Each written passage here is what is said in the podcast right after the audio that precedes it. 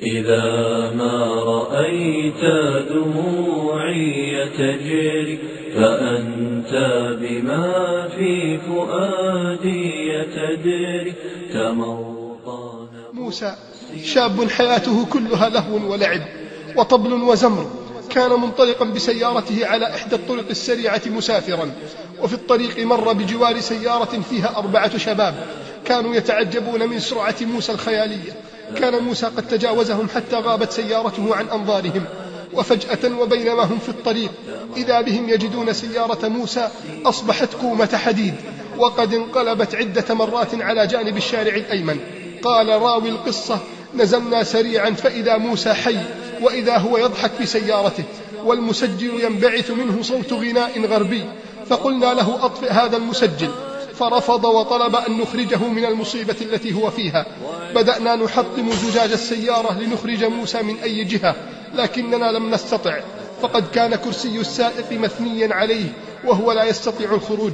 وفي تلك الأثناء قام أحد الشباب بالاتصال على الدفاع المدني ليحضروا معداتهم الخاصة حتى يخرجوا هذا الشاب من سيارته. ووقف بعض الشباب يتحدثون مع موسى الذي كان يحدثهم من داخل السيارة المحطمة. كانوا يقولون له هذه نتيجة السرعة فاحذر. وكان يضحك وهو غير مبال وكأن شيئا لم يحدث. كان تنكي البنزين قد ثقب عدة ثقوب نتيجة لانقلاب السيارة العنيف. وبدأ البنزين ينزل بهدوء على جسم السيارة ويتسلل إلى كنباتها دون شعور أحد. وأثناء الحديث كان أحد الشباب متكئا على حافة السيارة الأخرى فأخرج من جيبه علبة سجائر وقام يشعل سيجارة. فلمحه موسى من بعيد وطلب منه أن يحضر سيجارة له فقال أحد الحاضرين حرام عليك يا أخي بدلا من أن تستغفر الله وأنت في مثل هذه الحالة لم يبال موسى بهذه الكلمات وطلب من ذلك الشاب مرة أخرى فأحضر له الشاب سيجارة ورمى له بالقداحة داخل السيارة فأمسك بها موسى ورفع السجارة إلى شفتيه وفجأة ومع أول شرارة خرجت من القداحة امتلأت السيارة بالنيران. وصرخ موسى فلقد أصابت النيران عينيه وابتعد الشباب في نفس اللحظة التي رأوا النار تلتهم السيارة. وارتفعت استغاثات موسى يا ناس يا شباب أطفئوا النار أطفئوا النار. وقطع تلك الاستغاثات صوت انفجار خزان البنزين الذي حرك جسم السيارة وجعلها تنقلب على الجهة الأخرى. وارتبك الشباب وبدأوا بالبكاء وحاولوا إخماد النار ببعض الرمال المنتشرة على الطريق لكن لا فائدة. لقد أكلت النار كل شيء وبدأت الدموع تجري غزيرة على خدودهم وهم يرون النار تأكل ما تبقى من جسد موسى المتفحم. لقد كانت لحظات عظة وعبرة. سبحان الله. سبحان الله كيف كانت خاتمة ذلك الشاب البعيد عن ربه؟ كيف كانت اللحظة الأخيرة؟ كان ممسكا بسيجارة ومات على ذلك وسيبعث عليها. فهل يتيقظ الشباب والفتيات؟ لتكون اللحظة الأخيرة على طاعة فيفوزوا بالرضوان. وقل رب أعوذ بك من همزات الشياطين وأعوذ بك رب أن يحضرون. حتى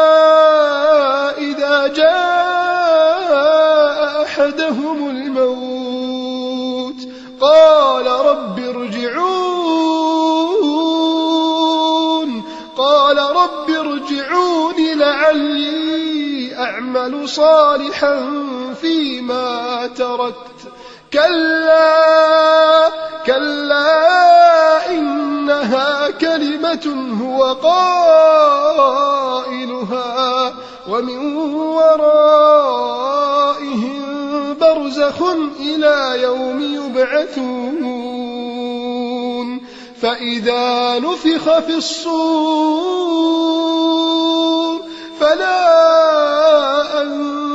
أنساب بينهم يومئذ ولا يتساءلون فمن ثقلت موازينه فأولئك هم المفلحون ومن خفت موازينه فأولئك الذين خسروا أنفسهم في جهنم خالدون. تلفح وجوههم النار.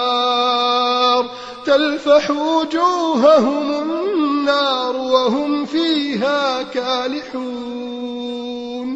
ألم تكن آياتي تتلى عليكم فكنتم بها تكذبون. قالوا ربنا غلبت علينا شقوتنا وكنا قوما ضالين.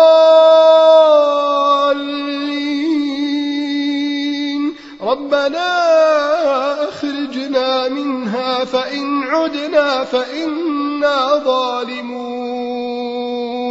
قال اخسأوا فيها ولا تكلمون. إنه كان فريق من عبادي يقولون ربنا آمنا فاغفر لنا وارحمنا وأنت خير الراحمين. فاتخذتموهم سخريا فاتخذتموهم سخريا حتى أنسوكم ذكري وكنتم منهم تضحكون. إني جزيتهم اليوم بما صبروا أنهم أنهم هم الفائزون. يا شباب الإسلام يا فتيات الإسلام متى سنتعظ ومتى سنعتبر؟ قبل أن تأتي اللحظة الأخيرة أم بعدها؟ نأيت نأيت كثيرا كثيرا وقد مزق الذنب في الضمير وعشت وحيدا بئيسا حقيرا.